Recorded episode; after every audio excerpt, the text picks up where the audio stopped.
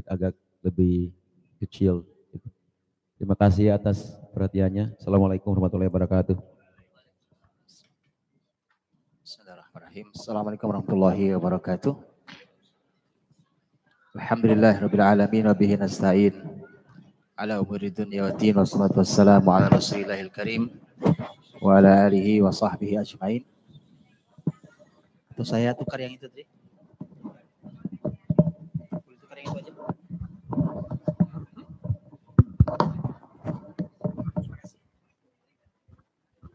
Alhamdulillah hamdan katsiran tayyiban mubarakan fihi kama yuhibbu rabbuna wa yarda. Asyhadu an la ilaha illallah wahdahu la syarikalah wa asyhadu anna muhammadan abduhu wa rasuluh.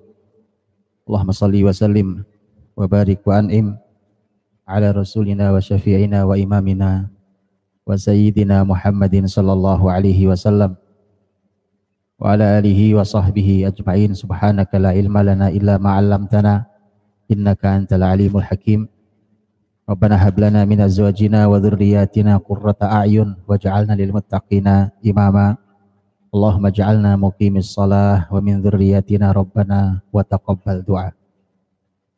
Amma ba'd Saudara-saudariku yang dimuliakan Allah Subhanahu wa taala eh, Bapak Ibu keluarga mukmin yang berbahagia alhamdulillah bulan yang Allah selamatkan kita setelah kita terdampar di 11 bulan yang mungkin compang camping iman kita tapi kemudian Allah selamatkan kita sehingga kita sampai di bulan Ramadan ini maka semoga sisa hari ini bisa kita isi dengan maksimal dengan antara kita dan keluarga kita untuk mengisi Ramadan dengan lebih baik. Bapak Ibu dirahmati Allah SWT eh, amanah di yang sampaikan ke saya saya di malam hari ini diminta menyampaikan tentang uh, parenting nabawiyah gitu bunyi bunyi ininya ya judulnya. Uh, itu itu gabungan dua bahasa itu. Uh, teman-teman rahmati Allah. Pembahasan tentang keluarga saya ingin sampaikan dulu di awal karena masalah di kita tentang keluarga itu bukan bagaimana sulitnya didik anak, bukan. Juga bukan bagaimana sulitnya e, memperbaiki hubungan suami dan istri, bukan itu. Masalah pertama kita adalah kita tidak menyadari bahwa pembahasan keluarga itu di dalam Islam sangat amat besar. Itu yang belum kita hadirkan. Sehingga efeknya adalah keluarga kita ini sering kali kita korbankan untuk urusan lain yang tidak lebih besar daripada urusan keluarga. Sering banget kita korbankan. Kadang-kadang urusan pekerjaan, sering kali anak-anak sering menjadi korban dari urusan pekerjaan kita. Sering sekali. Umpamanya contohnya, bukan tidak penting pekerjaan kita. Tapi kalau Anda tahu bagaimana besarnya tema keluarga di dalam Islam, maka kita akan berpikir, kita akan melihat ulang hal tersebut. Bagaimana tidak kalau kalau anak-anak kita adalah merupakan aset dunia akhirat kita. Itu aset luar biasa. Saya berikan contoh, umpamanya eh, eh, satu hadis Nabi SAW ketika Nabi menyampaikan kata beliau anta wa maluka li abik kamu anak laki-laki dan hartamu milik ayahmu ini kaidah dalam Islam kamu, anak laki-laki, dan hartamu itu milik ayahmu. Itu adalah, berarti anak itu adalah aset duniawi kita. Aset dunia. Orang tua boleh mengambil harta anaknya. Orang tua boleh datang-datang ambil harta anak itu boleh. Karena itu kamu anak laki-laki dan hartamu adalah milik orang tuamu. Eh, kebahagiaan itu, kebahagiaan itu kebahagiaan yang besar dalam Islam juga ada dalam keluarga. Itulah mengapa dalam doa kita di yang sering kita baca dalam surah Al-Furqan 74. Walladzina yaquluna rabbana hab lana min azwajina wa dzurriyyatina qurrata a'yun. Qurrata a'yun waj'alna lil muttaqina imama. Qurrah a'yun artinya apa? Hah? Kurroh ayun, terjemahan menyejukkan pandangan mata itu adalah terjemahan sepotong. Gak apa-apa namanya terjemahan susah, menerjemahkan dari bahasa ke bahasa itu sulit. Apalagi dari bahasa yang paling luas secara sastra itu bahasa Arab ke bahasa Indonesia umpamanya atau ke bahasa Inggris sekalipun. Terlalu terbatas. Terlalu terbatas. Ya, eh, tapi lihat, saya simpulkan karena pembahasan panjang tentang kurota ayun, tapi saya simpulkan. Kurota ayun itu kata kurroh ayun dalam bahasa Arab artinya mata. Mata kita nih. Ayun itu mata. Tapi apa arti kata kurroh? Kalau di kalau mau disimpulkan, saya buat gampang menjadi begini. Kurroh itu ukuran mata ini kan cuma kita lagi melek seperti ini atau nanti kita terpejam. Ya, kita merem. Yang disebut dengan kurroh itu kalau lagi melek ini maka tadi yang disampaikan itu menyejukkan. Berbinar-binar, mata itu berbinar-binar. Tapi apa artinya kalau sedang terpejam? Kalau sedang terpejam, kata kurroh itu artinya adalah dia terpejam dengan sangat nyenyaknya. Suami istri atau bapak ibu kalau punya masalah bisa tidur bisa tidur terpejam nyaman gitu. Nah, anaknya punya masalah bisa tidur nyaman. Makanya telok ukurnya dua nih. Kurroh ayun tuh telok ukurnya dua. Kalau dia sedang sedang melek maka lihat pasangannya, ngelihat anaknya, mata berbinar-binar. Ya, senang sekali matanya. Dan ini juga menarik, tolok ukurnya kenapa mata gitu. Kenapa enggak umpamanya, ya Allah jadikanlah pasanganku dan keturunanku menyenangkan hatiku. Kenapa bukan itu ukurannya? Karena kalau ukurannya hati, susah diukurnya. Ukurnya pakai apa? Gini, saya tanya. Pokoknya gini, eh, saya ketemu siapa di antara teman-teman. Saya tanya, apa kabar? Jawabannya Alhamdulillah baik. Gitu ya. Lisannya bicara baik. Bisa nggak hatinya bohong? Bisa. Dia sedang sedih, sedang runtuh lah gitu ya, sedang terhimpit masalah besar di rumah tangganya. Begitu saya tanya, apa kabar keluarga? Alhamdulillah baik-baik. Baik, baik. Anda tahu yang tidak bisa bohong adalah mata. Yang nggak bisa bohong adalah mata matanya orang sedang ngantuk dengan matanya orang segar sama atau, atau beda? Beda. Matanya orang sedih penuh dengan beban hidup. Dengan mata orang sedang jatuh cinta sama tidak? Mata nggak bisa bohong.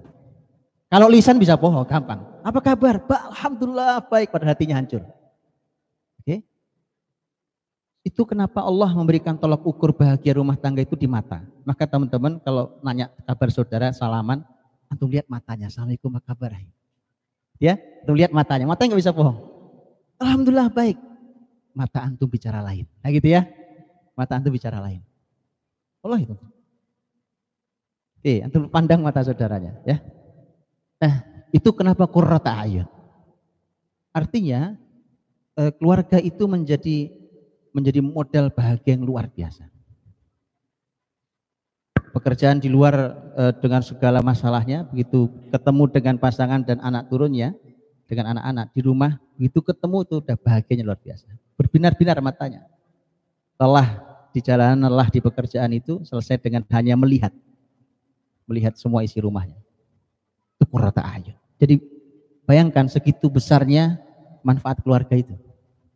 Apalagi kalau tadi waja'alna lil muttaqina imama kepemimpinan loh. Kenapa kita urusan kepemimpinan hancur lebur berantakan di negeri kita? Karena urusan kepemimpinan di negeri kita itu tidak dijalankan visinya oleh keluarga. Padahal Allah nitip Allah menitipkan visi kepemimpinan itu di dalam keluarga. Waja'alna lil muttaqina imam. Imam artinya pemimpin. Pemimpin. Kita belajar kepemimpinan di mana? Belajar kepemimpinan di mana? Di sekolah. Allah nitip tema kepemimpinan itu di dalam rumah. Ini kan doa rumah ini. Allah nitip di dalam rumah. Dibayangkan itu ya. Jadi itu segitu besarnya. Jadi Anda di rumah bisa melahirkan para pemimpin. Anda siapkan kalau anaknya berapa nih? Tiga, empat, lima, sepuluh. Anda siapkan beda-beda. Sepuluh anak ini saya siapkan jadi sepuluh pemimpin. Luar biasa. Ya kan? Orang-orang top kayak gitu anaknya jangan 10, 25 gitu. Oh iya orang potensi baik kok. Kalau penjahat anak nggak usah punya anak. Atau tahu doanya Nabi Nuh alaihissalam. Ketika Nabi Nuh sudah berdoa pada Allah.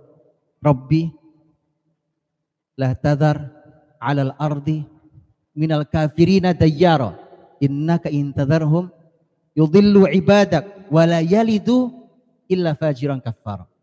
Ya Allah, jangan kau biarkan ada satu pun rumahnya orang kafir di bumi ini. Itu kenapa Allah lumat habis. Karena doanya begitu. Ya Allah saya tidak mau nih ada orang rumah satu aja rumah orang kafir muka bumi ini. Karena kalau kau biarkan satu saja ada di muka bumi ini, dia akan menyesatkan hambamu yang lain dan tidak melahirkan kecuali generasi yang juga rusak.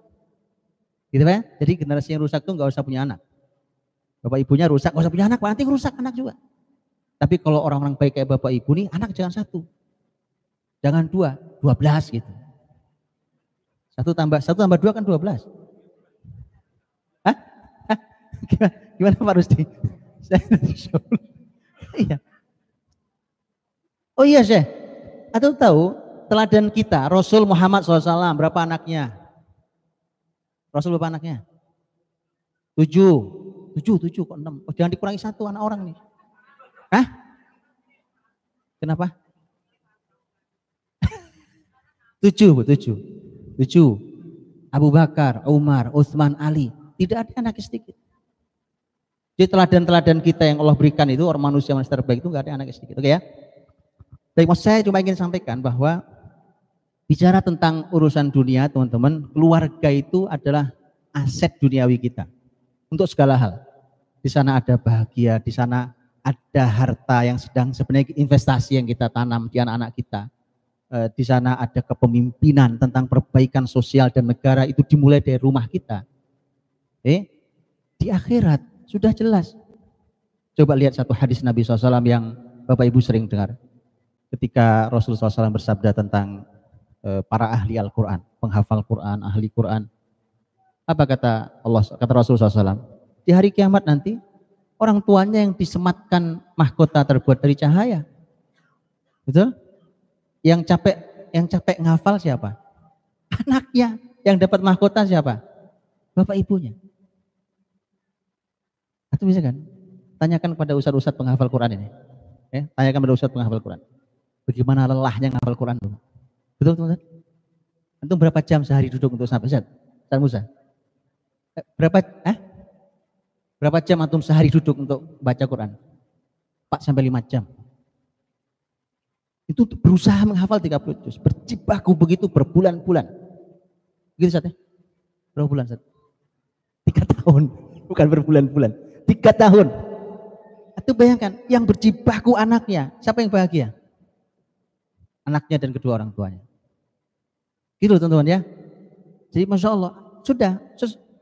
Sebesar itu kemudian tidak menjadi pembahasan di kita. Sebesar itu kemudian kita lakukan hanya sejalan-jalannya. Sebesar itu ternyata kita tidak tahu ilmunya kayak apa. Karena saya sering bilang, karena nggak ada sekolahannya itu sekolah jadi bapak, jadi ibu, jadi suami, jadi istri, jadi kakek nenek nggak ada sekolahnya sehingga faktornya adalah itu penyebabnya kemudian akhirnya kita tidak cukup ilmunya. Jadi berumah tangga sejalan-jalannya, waktunya nikah, nikah jadi suami istri, waktunya punya anak jadi bapak ibu, nanti waktunya tua punya cucu jadi kakek dan nenek tanpa ilmu. Padahal teman-teman semua telah diatur oleh Quran. Quran bicara sangat banyak tentang potret keluarga dalam Quran. Dan Rasul Shallallahu Alaihi Wasallam menyampaikan tentang sebuah jaminan khairukum khairukum li ahli wa ana khairukum li ahli. Orang terbaik di antara kalian ini adalah siapa yang paling baik pada keluarganya. Jadi gampang ya Bu, ini kita kumpul semua di ruangan ini, di Masjid Barokah ini. Ya, masjid yang mulia ini mengumpulkan kita. Kalau mau tahu siapa yang paling baik di antara kita, siapa yang paling baik terhadap keluarganya. Gitu ya, jadi kalau mau voting, kalau mau lihat nih Bapak Ibu, Bapak-bapak ini, saya Bapak-bapak ini kalau ingin tahu siapa yang terbaik, di antara tolak ukurnya adalah siapa yang paling baik pada keluarganya, nanti diuji, tanyakan ke ibu-ibu dan anak-anaknya. Gitu ya. Tanyakan ke ibu dan anak-anaknya, cek siapa yang paling baik, maka ini yang terbaik di antara kita. Itu tolak ukur. Bayangkan tolak ukur itu. Itulah mengapa dahulu dengan doa tadi, dengan kalimat Rasul itu. Eh satu lagi, Rasul memberikan jaminan wa ana khairukum li ahli kata Nabi. Saya orang terbaik di antara kalian dalam urusan keluarga. Itu supaya kita tidak usah belajar tentang keluarga kecuali hanya dari beliau. Ya. Eh, Umar bin Khattab radhiyallahu anhu, beliau waktu jadi khalifah yang kedua, beliau pernah kirim surat ke seseorang dari Bani Aslam. Kirim surat, datanglah ke Madinah, saya ingin mengangkatmu menjadi salah satu pemimpin. Kirim surat. Karena Umar tahu orang itu dan Bapak Ibu saya ingin sampaikan, Bapak Ibu Umar radhiyallahu anhu itu itu syarat untuk beliau memilih pemimpin di bawah beliau itu syaratnya ketat sekali. Ketat sekali syaratnya. Bayangkan orang-orang top di sekelilingnya. Orang-orang top sekelilingnya. Utsman, Ali, Abdurrahman bin Auf, Talha, Zubair. Itu semua dikritik oleh Umar. Orang top-top semua. Itu orang levelnya luar biasa. Dan ketika mereka memimpin, mereka orang top semuanya. Tapi itu, itu pun masih dikritik oleh Umar Makanya sangat ketat. Datang orang Bani Aslam tadi itu, datang ke Madinah. Kemudian karena dipanggil oleh Khalifah Umar, menemui Umar karena mau diangkat menjadi salah satu diberikan amanah jabatan. Begitu datang kemudian melihat melihat Umar radhiyallahu anhu lagi main sama anak cucunya. Main namanya namanya kakek, bapak main ya tuh tahu orang main gimana sih ya, main kayak anak. Jadi kebesaran nama Umar, wibawanya nama Umar itu tiba-tiba runtuh di mata dia itu. Umar gitu, Umar. Orang yang yang apa musuh itu kok dengar nama Umar? Jangankan musuh manusia pak. Ung setan itu kalau Umar lewat satu jalan dia pilih jalan lain kan? Antum tahu itu kan? Ung setannya pilih jalan lain. Kayak begitu kelihatan main sama anak-anak kecil. Maka dia nanya apakah anda juga bermain dengan anak-anak kecil? Pertanyaan itu buat Khalifah Umar mengagetkan. Makanya dia Umar mengatakan, adalah anhu, kata beliau, memang kamu tidak punya anak. Dia bilang, ya saya juga punya anak. Tapi nggak begini cara saya bergaul dengan anak-anak. Ya. Umar kemudian mengatakan, pulanglah. Saya tidak jadi mengangkatmu jadi pemimpin. Karena kalau kamu tidak punya kasih sayang, terhadap darah dagingmu sendiri yang itu ada hubungan emosional dengan kamu maka bagaimana kau punya kasih sayang pada umat yang akan kau pimpin, akan kau pimpin padahal dia, mereka tidak ada hubungan apa pun dengan kamu paham maksudnya ada hari ini pemimpin tolak ukurnya keluarga Hah? umpamanya umpamanya umpamanya gitu fit and proper test gitu ya ada gitu yang dites adalah keluarga dicek keluarganya ada ada. Itu hanya ada di Islam karena muslimin sadar betul. Sadar betul pentingnya keluarga dan pengaruhnya terhadap kepemimpinan. Jadi hancurnya kepemimpinan itu karena memang hancur dia di keluarganya. Sudah tahu. Oke. Maka ketika Rasul SAW memberikan jaminan bahwa aku orang terbaik dalam urusan keluarga, ya itu kan itu kan jaminan dari Nabi nanti Bapak Ibu saya tidak uraikan tapi Bapak Ibu pelajari posisi Nabi sebagai suami, posisi Nabi sebagai ayah, posisi Nabi sebagai kakek. Lengkap ya. Kemudian cek istri-istrinya, cek anak-anaknya, cek cucu-cucunya. Ini ini keseluruhannya keluarga besar ini adalah keluarga terbaik yang ada di muka bumi. Kalimat saya tidak bisa saya uraikan karena nggak ada waktunya. Saya mau masuk ke tema yang lain, tapi silahkan dicek kalimat ini, Anda akan jumpa ini orang-orang terbaik. Bayangkan, ya karena ada suka ada kalimat begini kadang-kadang. Anak cuma tiga, ya kan? Yang satu masalah, terus kita bilang, ya Pak, oh, namanya juga orang beda-beda, ya kan? Dari satu rahim tapi ada yang benar, ada yang nggak benar, ya kan? Wong Nabi Nuh saja itu anaknya juga tenggelam dalam kekafiran, ya kan? Anda meniru siapa? Laqad kana lakum fi Rasulillahi uswatun hasanah liman kana yarjullaha wal yawmal akhir wa dzakarallaha katsira. Anda disuruh niru Rasul Muhammad SAW yang semuanya istimewa. Semuanya tadi semua istimewa. Ya. Jadi kalimat-kalimat kayak tadi itu ya Ya kalau untuk menghibur diri silahkanlah. Sementara menghibur diri, Pak. Namanya orang lagi punya masalah dengan anak silahkan hibur diri. Tapi jelas kalimat itu apalagi alasannya Nabi Nuh. Alasan Nabi Nuh. Nabi Nuh itu teman-teman di surat Hud sudah tegur Allah kan. Di surat Hud Allah sudah tegur Nabi Nuh alaihissalam. Karena begitu tenggelam anaknya Nuh alaihissalam. Tenggelam dalam kekafiran banjir besar yang melumat orang-orang kafir. Anaknya berikut istrinya itu, ibunya si anak itu itu ditenggelamkan Allah SWT begitu kapal Nuh air surut kemudian wastawat alal judi waqila ya ardu bla'i ma'aki wa yasama'u eh, wa yasama'u aqli'i ya itu air berhenti sudah langit berhenti dari bumi berhenti wa ma maka kemudian kapal berlabuh wastawat alal judi maka kapal berlabuh di atas gunung al-judi Begitu sudah turun, Nuh ingat anaknya kan. Ya Allah, kan kau sudah janji. Selamatkan keluargaku.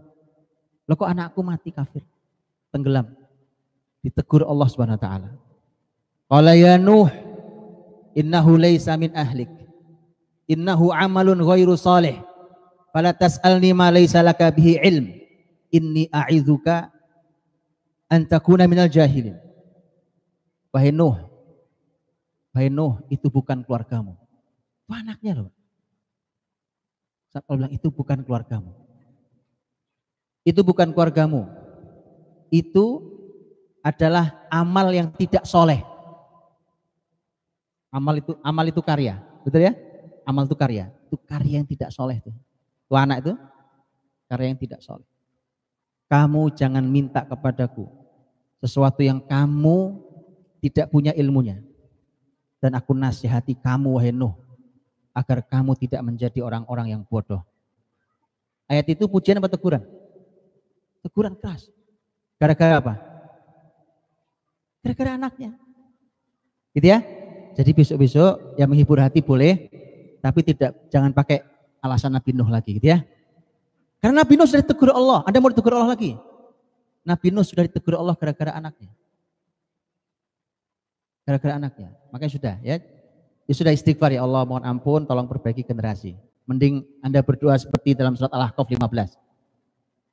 Ya, wasainal insana biwalidayhi ihsana hamalathu ummuhu kurha wa ta'athu kurha wa hamluhu wa fisaluhu 30 syahra hatta idza balagha ashuddahu wa balagha arba'ina sanah qala rabbi auzi'ni an ashkura ni'mataka allati an'amta alayya wa ala walidayya wa an a'mala salihan tardahu wa aslih li fi dzurriyyati inni tubtu ilaika wa inni minal muslimin ya Allah perbaiki keturunanku. wa aslih li fi dzurriyyati salah satu doa kita adalah ya Allah perbaiki keturunanku. Ya Al-Ahqaf 15 jadi orang kalau umur sudah 40 banyak-banyak baca doa itu ya Al-Ahqaf 15 ya itu di sana ada banyak poin kalau mau dibahas itu waktu sendiri itu Masya Allah Bu. Jadi definisi sukses itu di situ ayat itu. Eh, nah Rasul Muhammad SAW, beliau kan Quraisy, orang Arab. Ya cara didik anaknya versi versi Mekah, ya kan? Versi Quraisy. Ya versi Quraisy belum tahu. Abu Jahal, Abu Jahal punya anak, namanya Ikrimah, ya kan? Nanti begitu Nabi Muhammad jadi nabi, Abu Jahal sangat memusuhi Nabi Muhammad, Ikrimah, anak muda itu juga sama kayak bapaknya. Wah itu penjahat luar biasa. Ya itu itu versi didikan anak versi Mekah tuh. Bapaknya penjahat, anaknya penjahat. Sampai ketika Rasul masuk, Rasul masuk ke Mekah, waktu Fathu Mekah, Nabi berhasil menguasai Mekah tahun 8 Hijriah itu dan Ka'bah dibersihkan dari 360 patung di sekelilingnya. Itu semua orang dimaafkan oleh Nabi kecuali hanya beberapa nama. Nabi katakan, bunuh mereka di mana pun kalian jumpai mereka. Bahkan mereka bergelantungan di sitar Ka'bah. Sitar Ka'bah itu kiswahnya itu. Kalaupun mereka ngumpet di situ, bunuh di situ. Di antaranya yang dihalalkan darahnya ikrimah ini. Yang penjahat ini, gitu ya. Tapi Allah takdirkan beliau masuk Islam. Allah masuk Islam, ya. Eh, kalau kalau didik anak versi Mekah ya begitu tuh. Abu Lahab punya anak, ya kan? Abu Lahab Abu Lahab istrinya sama itu dua-duanya. Itu itu dua suami istri yang sejoli yang luar biasa. ya eh, ini sinkronisasinya yang luar biasa ini antara Abu Jahal dan istrinya ya dari dunia sampai masuk neraka bareng-bareng. Ya, tabat yada Abi Lahabi watab ma anhu maluhu wa ma kasab saya selanaron masuk neraka. Zata lahab wa mra'atuhu berikut istrinya. Jadi ini Abu Lahab ini suami istri di dunia bareng-bareng sampai masuk neraka juga bareng-bareng. Ya, oke. Itu punya anak, dididik anaknya, bahkan anaknya jadi mantunya Nabi loh. Dua orang.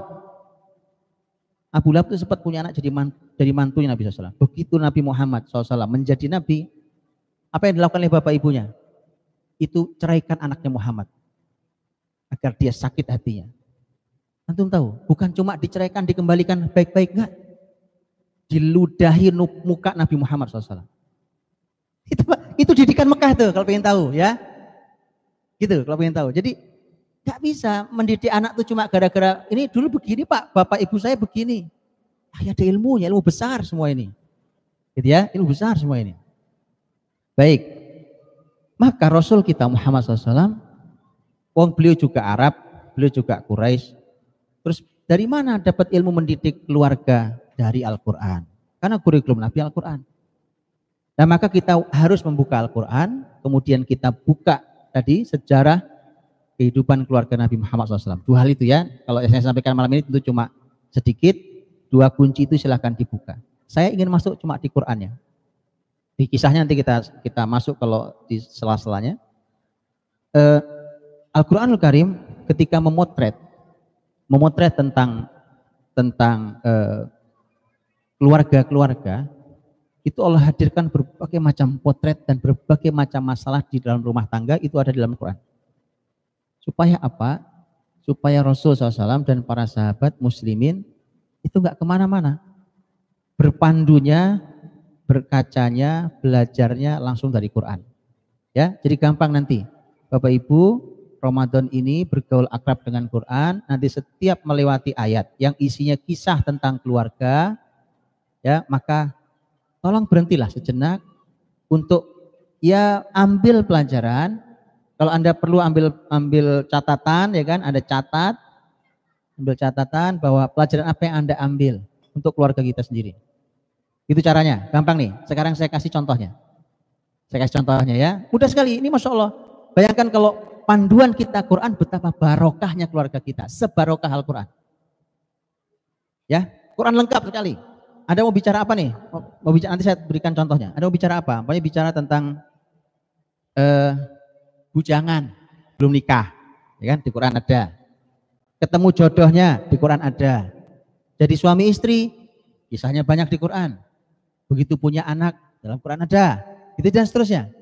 Mau bicara apa? Masalah keluarga yang sama-sama bagus suami istri ada. Keluarga yang suaminya soleh, istrinya masalah ada keluarga yang istrinya luar biasa solehahnya, suaminya masalah, ada. Atau keluarga yang dua-duanya masalah, ada. Atau apa? Bicara apa? Single parent. Seorang ibu di sendirian didik anaknya, ada dalam Quran. Single parent ada dua jenis. Ada yang suaminya meninggal di Quran, ada. Bicara tentang ibu yang suaminya masih ada tapi tugasnya jauh. Ada dalam Quran. Atau lihat Pak apa yang yang cari apa sekarang kalau bukan Quran itu ya? Ya mumpung Ramadan, mumpung Ramadan lagi akrab dengan Quran, tolong dibuka-buka.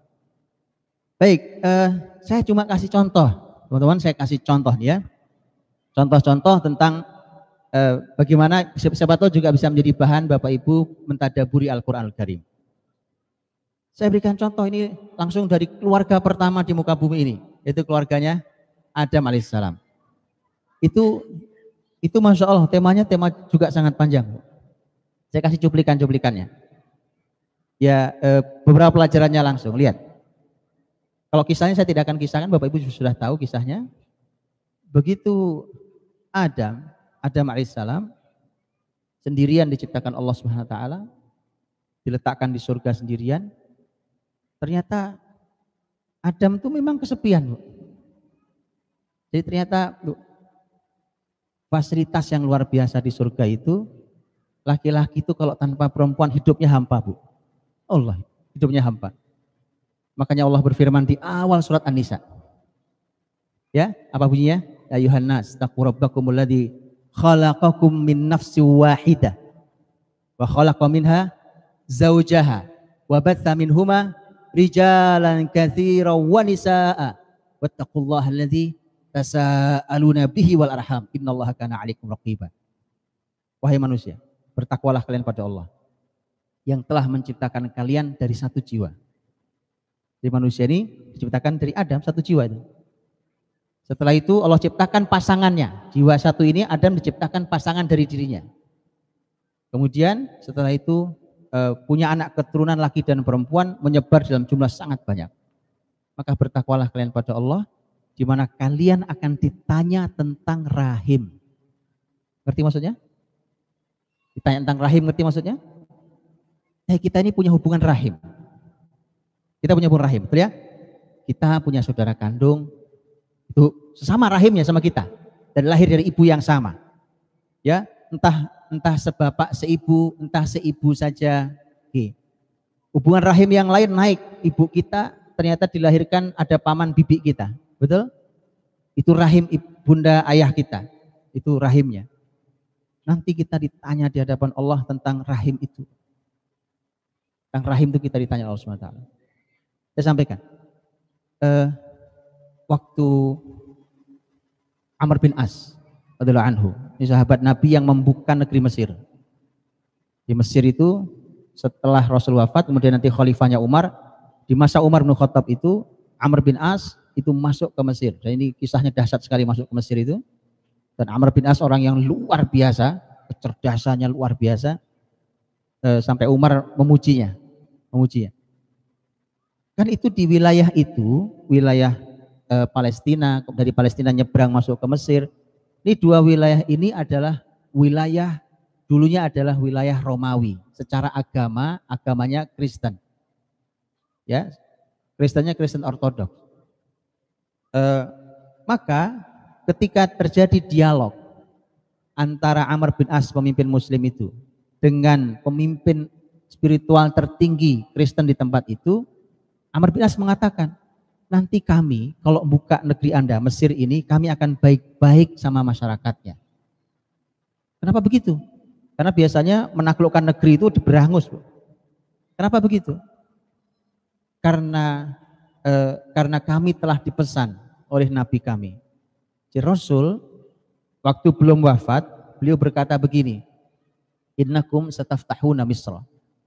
Fa idza fatahtumuha fastausu bi ahliha khairan fa inna fa inna lahum alaikum zimmatan wa rahimah.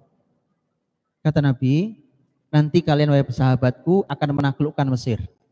Kalau kalian berhasil menaklukkan Mesir, maka tolong yang baik-baik sama penduduknya. Mengapa? Karena penduduknya itu punya dua hak pada kalian. Hak tanggung jawab yang harus kalian penuhi dan hak rahim.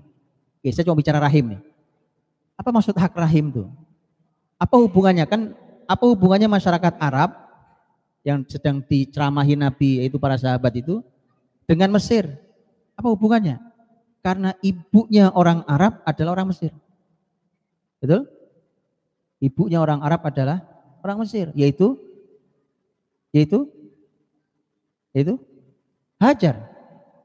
Nabi Ibrahim alaihissalam nikah dengan wanita Mesir.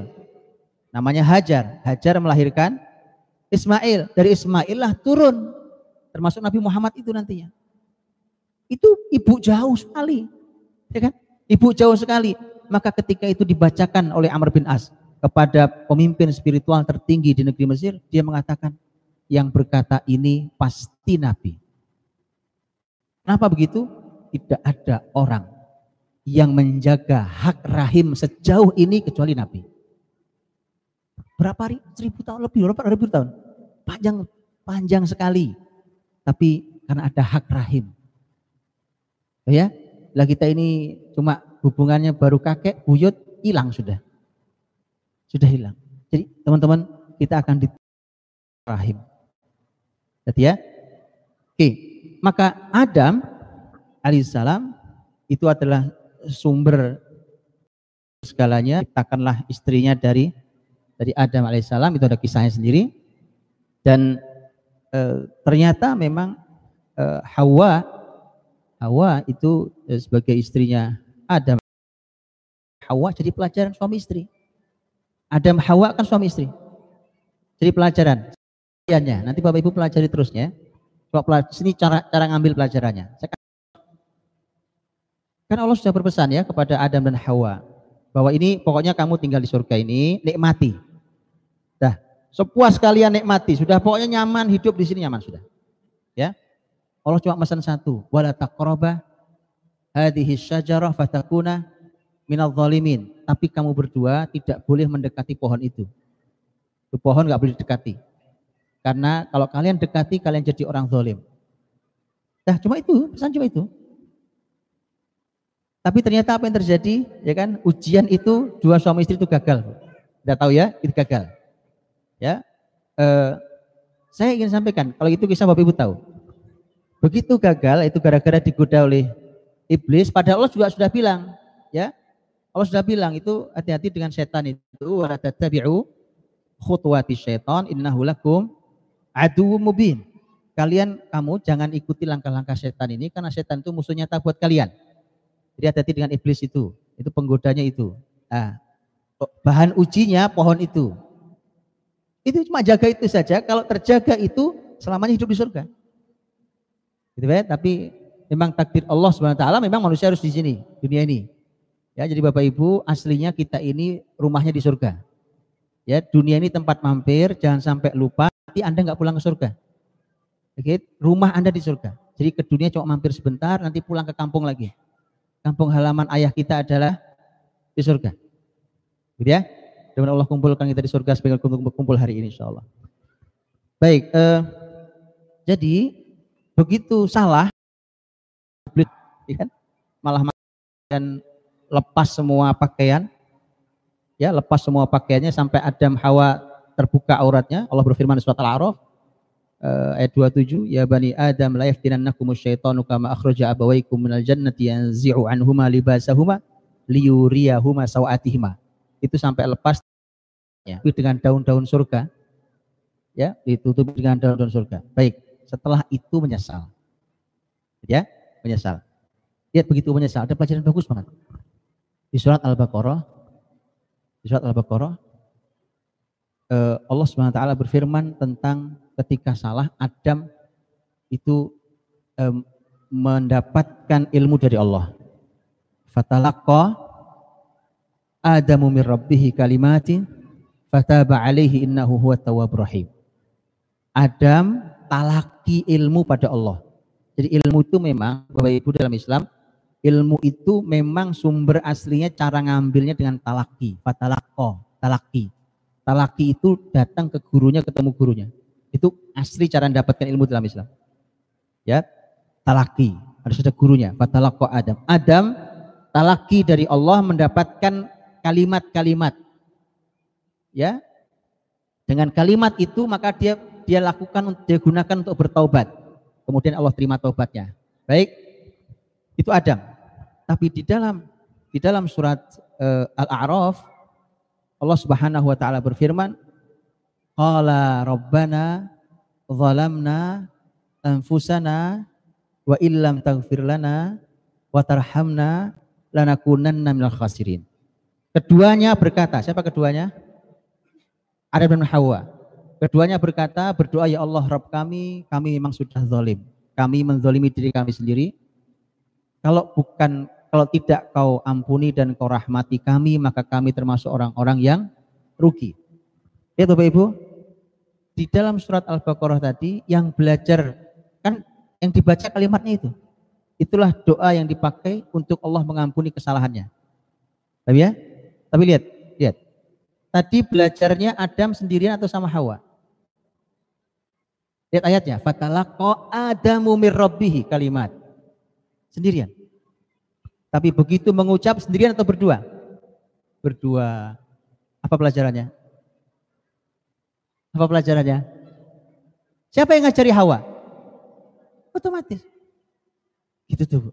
Begitu cara tadaburnya ya. Wong tadi talakinya Adam sendiri. Tapi begitu berdoa dua-duanya berdoa. Itu artinya memang suami ini harus menjadi sumber ilmu bagi istrinya. Betul kan? Maka kalau kalimat ini imam kami itu jangan cuma kalimat apa ya? Kalimat uh, kamuflase saja, bukan itu. Ini kalimat betulan harusnya. Bahwa istri itu memang pembimbingnya suami.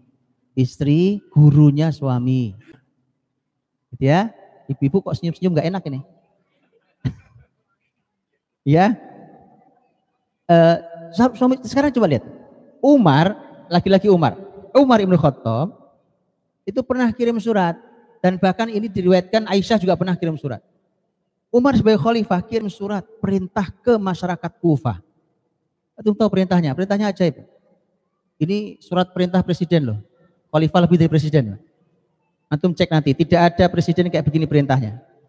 Apa isi suratnya? Wahai masyarakat Kufah, Wahai para suami di Kufah, ajarkan surat An-Nur pada istri-istri kalian. Alimu nisa'akum surat Nur. Wahai suami, ajarkan istri-istri kalian surat An-Nur. Itu instruksi bisa dikeluarkan oleh oleh presiden karena suaminya ngerti surat An-Nur. Nah kalau nggak ngerti gimana ceritanya dikeluarkan perintah itu? Uang lihat wajah surat An-Nur juga sebelah mana Pak adanya surat An-Nur? Iya kan? Gitu Bang. Jadi zaman terbaik ketika itu suami adalah sumber ilmunya. Seperti seperti Adam alaihissalam. Adam yang talaki ilmu dari Allah, tapi begitu dilaksanakan, yang melaksanakan dua-duanya. Artinya Hawa belajar dari Adam alaihissalam. Jadi uh, begitu seterusnya, Quran Quran membicarakan tentang keluarga itu, masya Allah lengkap untuk pelajaran. Gampang kok ya. Tolong nanti ditadaburi terus dicatat biar tidak lupa. Hikmah pelajaran apa untuk kita dan keluarga. Kalau suami istri duduk bersama indah banget. Suami istri duduk bareng, ngaji bareng, apa ya pelajarannya ya? Ah, catat itu. Oke, indah banget. Itu cuma contohnya. Baik, eh, begitu mereka punya anak, Quran bicara tentang anaknya, Adam alaihissalam. Bicara. Dan Quran menyampaikan dulu alaihim na'ba abnai adama bil haqqi id qarraba qurbana wa tuqbila min ahadihima wa lam yataqabbal minal akhar. Itu kisah dua anak Adam. Ya, kita tahu dan akhirnya saling bunuh antara mereka, yang satu membunuh yang lain dan itu adalah pertumpahan darah pertama di muka bumi ini. Ya, dan itu menjadi uh, menjadi dosa besar. Uh, maka ini selalu menjadi pelajaran mahal, teman-teman, tentang tentang masalah kemaksiatan dalam rumah tangga dan memang harus berhati-hati. Berhati-hati ketika terjadi masalah antar anak. Ini kan antar saudara nih. Ya kan? Kakak adik punya masalah. Allah sudah gambarkan loh, Bapak Ibu. Permasalahan di saudara kandung itu bisa, mohon maaf, bisa sampai terjadi pertumpahan darah. Allah sudah ingatkan hati-hati, gak boleh terjadi. Seburuk-buruknya, kalaupun tidak sampai pembunuhan, ya kan? Antum tahu kan kisah Nabi Yusuf? Gara-garanya apa? Sama persis. Ada masalah antar anak, betul? Dan faktornya itu kiri. Lihat apa kalimat saudara Yusuf sebelum buang Yusuf itu? Kalimatnya apa? Ya, mereka mengatakan bahwa eh Lakukan Yusuf wa ikhwatihi ayatul lisailin id qalu la Yusufu wa akhuhu ahabbu ila abina minna wa nahnu us. Mereka ngumpul rapat nih 10 anak, ada 12 anaknya kan. Yusuf, Binyamin tidak ikut. 10 anak rapat. Mereka bilang, Yusuf sama Binyamin itu lebih dicintai ayah kita dibandingkan kita. Semua. Inna abana lafi mubin. Ayah kita dalam kesesatan nyata. Oh, marah. Ya, bisa jadi itu persepsi anaknya bahwa ayahnya tidak memperlakukan dengan adil. Tapi itu juga Anda harus tahu, harus jaga itu. Kalau mulai terjadi kakak dan adik Anda harus hati-hati. Karena sudah diberikan. Apa yang terjadi? Rapat mereka. Apa yang dilakukan? Mereka siap mencederai saudaranya. Uqtulu Yusuf awitrahuhu arda yakhlu lakum wajhu abikum wa takunu min ba'dihi qauman salihin bu, eh, bunuh saja Yusuf. Tuh, mau dibunuh. Hampir bunuh. Bunuh saja Yusuf. Biar Yusuf jauh dari wajah ayah, jadi ayah biar gak ngeliat dia lagi. Habis itu kita jadi orang soleh habis itu. Ya kita jadi anak baik-baik, habis habis bunuh Yusuf. Bahaya sekali. Alhamdulillahnya ada satu di antara mereka akan kolako dulu Yusuf. Mereka yang anak yang satu ini mengatakan jangan bunuh Yusuf. Jangan, jangan bunuh Yusuf. Jangan bunuh Yusuf, tapi dibuang saja. Dibuang saja. Maka mereka merencanakan sebagian Bapak Ibu tahu kisahnya. Jadi hati-hati. Lihat Bapak Ibu. Apa sih sumber biasa sumber masalah itu apa? Iri itu sering kali terjadi. Tapi poin-poinnya tadi. Kalau tema Yusuf adalah tema perhatian, kasih saya, eh, dia merasa mereka merasa bahwa ayah ibu lebih perhatian ini daripada ini. Itu sumber masalah. Kalau yang di eh, kisah Adam tadi itu kisahnya adalah kisah masalah eh, masalah karya. Karena ternyata anak yang satu merasa karyanya lebih gagal dibandingkan anak yang satu lagi. Ya kan? Karena dua-duanya disuruh untuk untuk berinfak, tapi ternyata yang Allah terima hanya yang satu, yang satu tidak diterima. Artinya karyanya lebih jelek daripada yang satunya. Dan itu kemudian membuat dia merasa jatuh iri, kemudian dia melakukan pembunuhan. Itu Rasul Muhammad SAW suatu hari didatangi oleh seorang ayah. Orang itu, orang itu berkata, ya Rasulullah, saya minta engkau jadi saksi. Saksi, saksi apa? Saya memberikan hibah, hibah pemberian kepada anak saya. Jadi bapak ini memberikan sesuatu untuk anaknya. Dan dia minta Rasul jadi saksinya. Nabi bertanya, apakah semua anakmu kau berikan sama? Jawabannya tidak. Cuma dia yang saya kasih. Apa jawaban Nabi? Nabi menjawab, apakah kamu mau saya bersaksi tentang sebuah dosa? Paham? Itu kalimat Nabi SAW. Yang kau lakukan itu dosa, salah. Kau, kau berikan hibah pada anak satu, yang lain harus dikasih sama. Nabi sampai ingatkan itu, ini dosa. Tidak boleh terjadi. Jadi teman-teman ada pelajaran banyak ya. Itu kisah-kisah contohnya. Itu uh, dan begitu seterusnya. Itu kisah suami istri, kisah uh, anak dan banyak sekali pelajaran yang lain. Nanti lanjutkan. Saya uh, kasih contoh yang lain. Saya kasih contoh yang lain dan ini ada dalam surat Al-Qasas tapi dalam tema yang berbeda. Ya, saya loncat-loncat supaya nanti Bapak Ibu buka Qurannya sendiri karena banyak sekali. Ya. Saya menyampaikan kajian tentang potret keluarga dalam Quran itu tiga tahun baru selesai seingat saya. Iya, eh, seingat saya itu ngaji seminggu sekali, ngajinya satu pertemuan sekitar dua jam gitu. Kemudian kalau saya nggak salah sekitar tiga tahun baru ya kurang lebih sudah mulai sudah mencakup hampir semua. Ya tidak sepanjang itu sebenarnya. Anda tinggal buka Qurannya ya, mohon dibuka Qurannya. Buka Qurannya dan sekali lagi kayak tadi. Oke, coba saya kasih contoh yang lain. Umpamanya bicara tentang Musa alaihissalam. Musa dan juga para nabi yang lain itu yang dipotret bukan cuma perjuangan kenabiannya. Para nabi itu banyak dipotret juga tentang keluarganya. Betul tidak? Nabi Adam bukan cuma dipotret tentang perjuangan sebagai seorang bapaknya manusia, tapi juga dipotret tentang keluarganya yang sudah kita bahas. Nabi Nuh alaihissalam bukan hanya masalah perjuangannya melawan menyampaikan dakwahnya kemudian bukan cuma itu, tapi juga bicara tentang keluarganya. Nabi Ibrahim alaihissalam juga bukan cuma masalah beliau mempertahankan tauhidnya, memperjuangkan tauhidnya sampai beliau dibakar gitu ya. Tapi kemudian selamat dan seterusnya. Bukan cuma itu. Tapi juga dibicarakan tentang keluarganya. Para nabi begitu. Nabi Musa alaihissalam tidak hanya dikisahkan tentang perjuangan beliau mempertahankan tauhidnya, menyebarkan tauhid, kemudian berhadapan dengan Firaun sampai Firaun tenggelam, bukan cuma itu. Musa alaihissalam itu Bapak Ibu rahmati Allah itu lengkap sekali kisahnya. Dari mulai dia lahir kecil, ya kan? Dan dan di sana ada e, nanti buka surat Al-Qasas di antaranya, soal Al-Qasas bahwa e, Adam eh maaf Musa alaihissalam itu itu sampai Allah sebutkan ada waktu masih kecil ada ada ada uh, beberapa wanita yang berjasa dalam hidupnya. Ibunya, bundanya, kemudian kakak perempuannya, ya, tahu kakak perempuannya? Kakak perempuannya itu yang ngikuti. Jadi ini wanita-wanita hebat di seputar Musa. Gak akan lahir Musa kecuali ada wanita-wanita ini.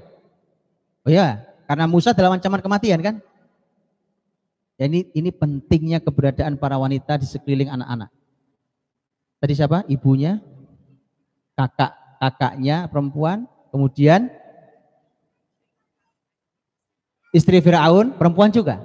Istri Firaun yang nanti uh, uh, mengasuhnya, nanti mengasuhnya. Satu lagi, satu lagi siapa? Satu lagi adalah kisah ini yang saya mau sampaikan. Begitu Musa uh, dinyat dikejar, ini belum belum dikejar yang sampai laut merah bukan? ketika Musa mau dihukum oleh Firaun, peristiwa Musa membela orang orang Bani Israel kemudian dipukullah orang Kipti sampai mati itu, maka Musa lari, lari ke negeri Madian. Sampai di negeri Madian, kemudian antum tahu kisahnya Musa duduk di padang pasir ngelihat para penggembala lagi memberi minum ternaknya. Tapi Musa melihat ada yang janggal karena ada dua perempuan lagi agak menjauh karena laki-laki berkerumun ngambil air di sumur. Dua perempuan menjauh itu pemandangan yang janggal. Ini kok ada perempuan kasihan di antara kaum laki-laki yang sedang menggembala. Semua penggembala. Laki-laki itu pergi, perempuan itu kemudian e, mendekat ke sumur. Kemudian Musa bertanya, mahot bukuma. Karena ada janggal. Kenapa kalian di sini?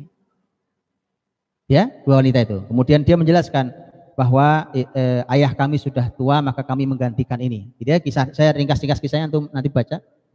Maka dibantu Musa singkat kata itu batu yang nutup sumur itu diangkat oleh Musa sendirian padahal biasanya diangkat oleh sekian laki-laki yang kuat.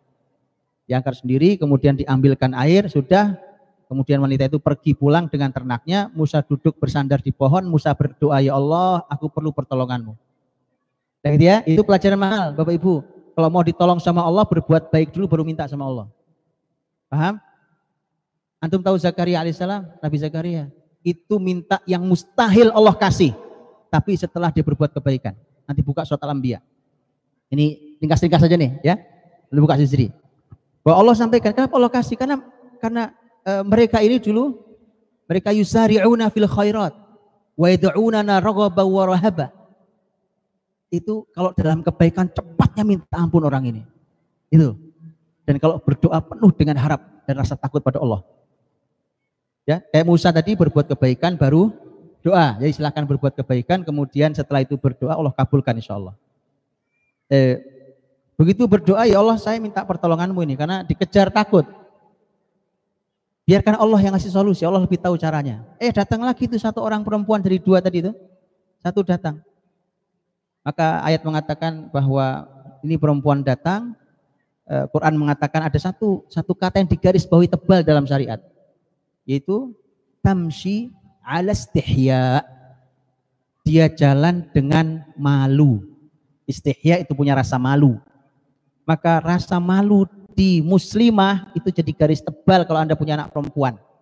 Anak perempuan kok pecicilan, eh, pecicilan itu apa? Eh, anak perempuan nggak punya rasa malu gitu pak. Itu salah didik tuh. Salah didik tuh. Perempuan itu harus istihya. Tafsir menyebutkan rasa malu itu karena dia datang sendiri tadi kan berdua. Nah ini di padang pasir cuma ada Musa kemudian ada wanita itu. Nggak ada yang lain.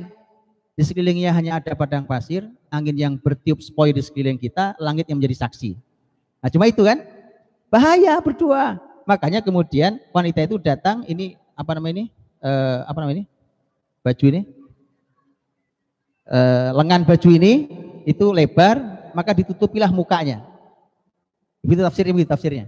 Ditutupi mukanya, ditemuilah Musa. Kemudian dia mengatakan bahwa ayah saya ingin, ayah saya memanggilmu. Untuk ayah memberikan balasan atas kebaikanmu. Sudah, Musa jalan.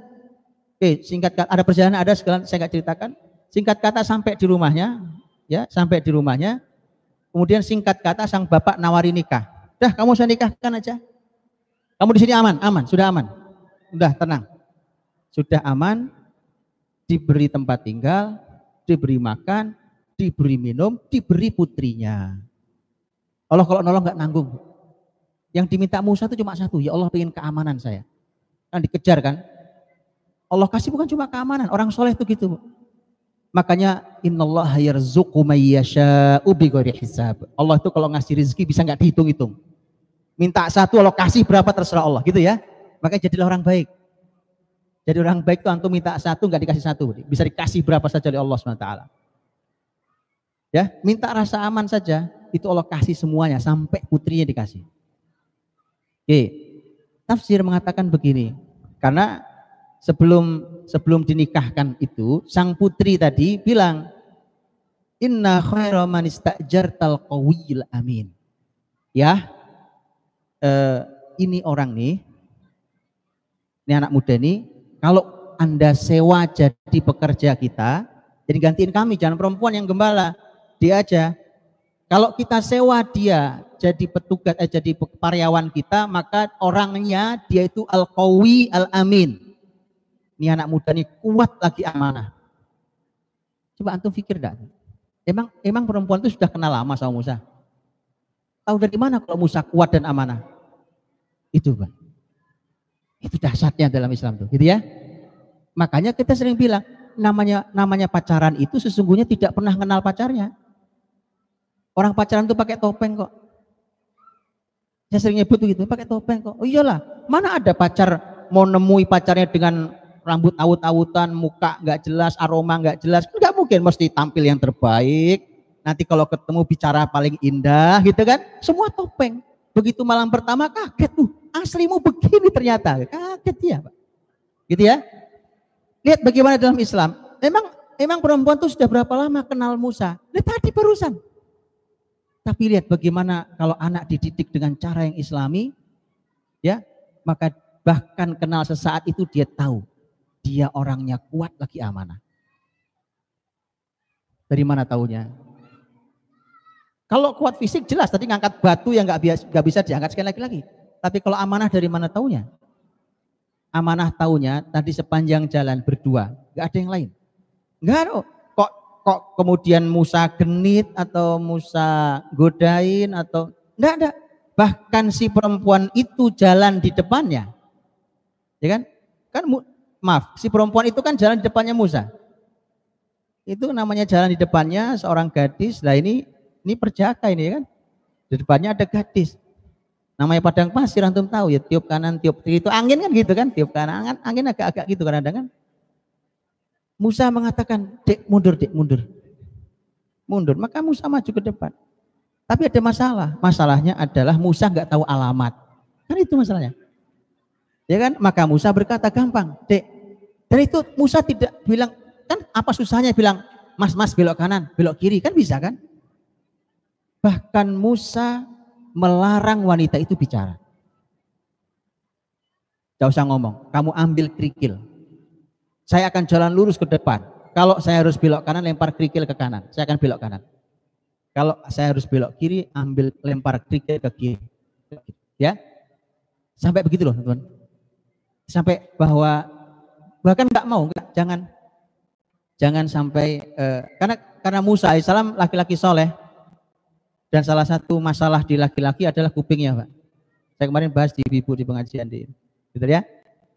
Salah satu masalah di laki-laki itu kupingnya. Perempuan punya masalah di lisan. Itu Quran bicara. Saya sudah bahas kemarin ya, ibu-ibu kalian yang hadir di haji, yang hadir di kajian. Masalah bapak-bapak itu ada di kupingnya sama di matanya. Paham ya? Paham atau enggak paham? Paham lah ya, semua paham. Yang mata itu ada dalam surat An-Nur, yang kuping ada dalam surat Al-Ahzab. Jam berapa sekarang ini? Habis waktunya. Habis waktunya, 215. Sampai sahur ini, Pak. Oke, mulai. Masya Allah, tabarakallah. Ini luar biasa nih. Mau diurai ini nggak usah ya, yang bapak. Saya lanjut nih. Boleh dikit, dikit yang yang di surat An-Nur Allah ketika berfirman kepada orang-orang beriman laki-laki, kemudian pada, pada orang beriman perempuan, perintahnya sama, cuma memang nanti di perempuan lebih panjang temanya, di laki-laki perempuan temanya sama. Bahwa perintah untuk mukmin laki-laki, mukmin perempuan, tapi didudukan yang mukmin laki-laki. Perintahnya adalah tundukkan pandanganmu, jaga kehormatanmu. Gitu ya, surat An-Nur. Allah dulu kan laki-laki. Allah dulu kan laki-laki tentang masalah mata. Tundukkan pandangan itu itu masalah. Perempuan juga ada tapi tapi ayat berikutnya. Qul lil mu'minina yaghuddu min absarihim wa yahfazu furujahum. Duluan itu untuk mukmin laki-laki. Baru mukmin perempuan. Wa qul lil mu'minati yaghdudna min absarihinna wa yahfazna furujahun. Ya. Itu satu. Salah mata. Kalau perempuan masalah lisan sudah ya. E, ibu-ibu yang nggak datang di kajian tanya yang datang. E, bapak-bapak yang nggak ada. Kalau masalah di masalahnya di telinga itu surat Al-Ahzab ayat 33. Itu sekaligus tentang tema perempuan. Allah berfirman wa qarna fi buyutikun wala tabar eh, maaf ayat 32-nya. Ayat 32-nya di mana Allah SWT menyampaikan uh, wala takhda'na bil qawli fayatma'alladzi fi qalbihi marad. Perempuan tidak boleh suaranya itu dibuat se semerdu-merdu mungkin, semendesah mungkin gitu ya. Sampai kaum laki-laki yang hatinya punya penyakit di hati, maka itu terganggu banget kupingnya pasti. Ah, itu memang masalah laki-laki. Ya, supaya tahu. Tapi itu berawal dari hati yang sakit.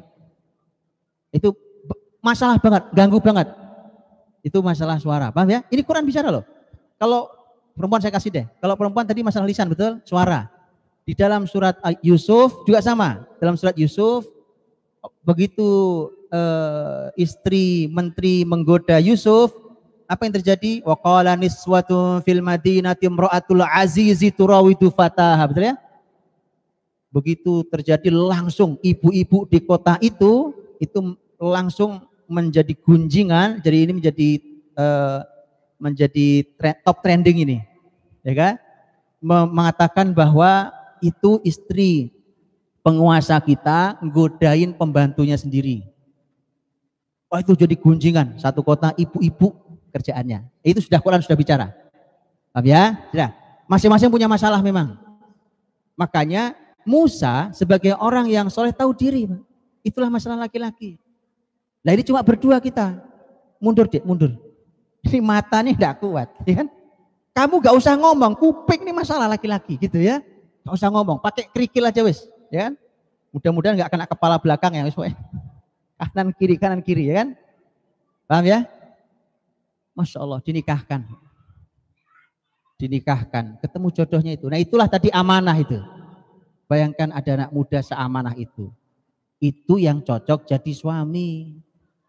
Ya, kalau Anda mau nikahkan anak itu yang cocok jadi mantu. Gitu. Paham ya? Iya, jadi Masya Allah. Makanya Musa alaihissalam jadi mantu. Jadi mantu, maharnya apa? Enggak punya duit. Kan gak bawa apa-apa lari. Maharnya kerja di rumah mertuanya.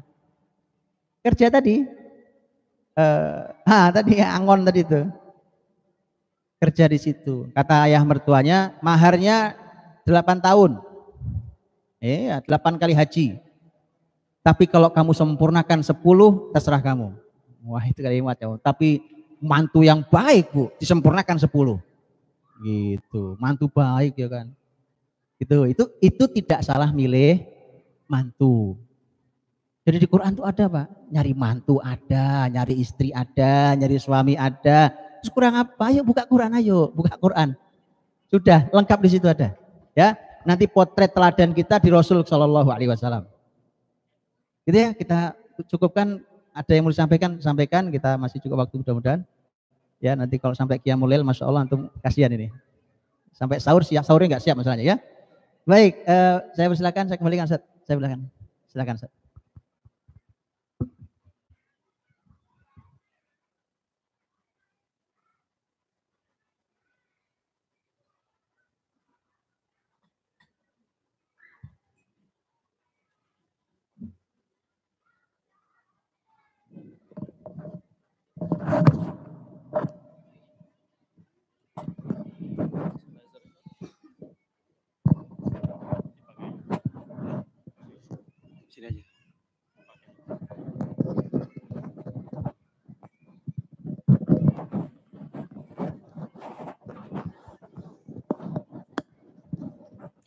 Eh,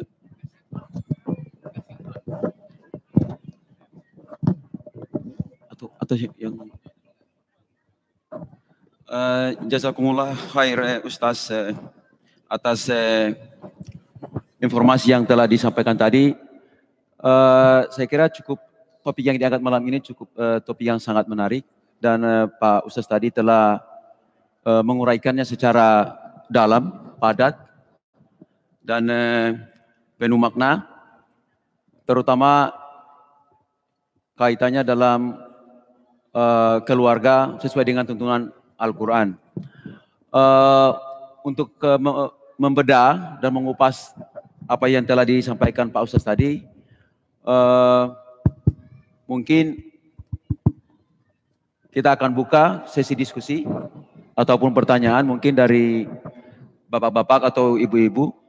Uh, saya lihat ini cukup banyak pertanyaan ini. Ya, untuk sesi pertama mungkin uh, dua pertanyaan dari perempuan, kemudian uh, selanjutnya dua pertanyaan dari bapak-bapak.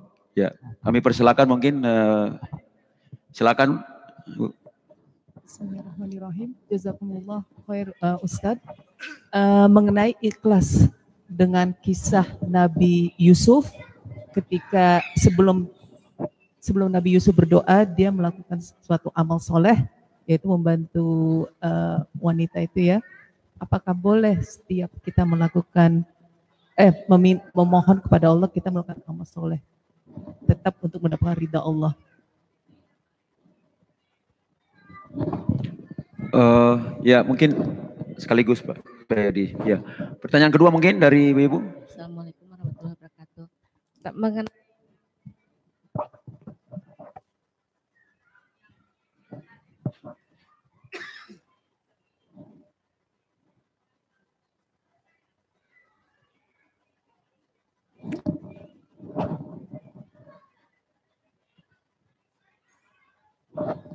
Uh, mic-nya tidak.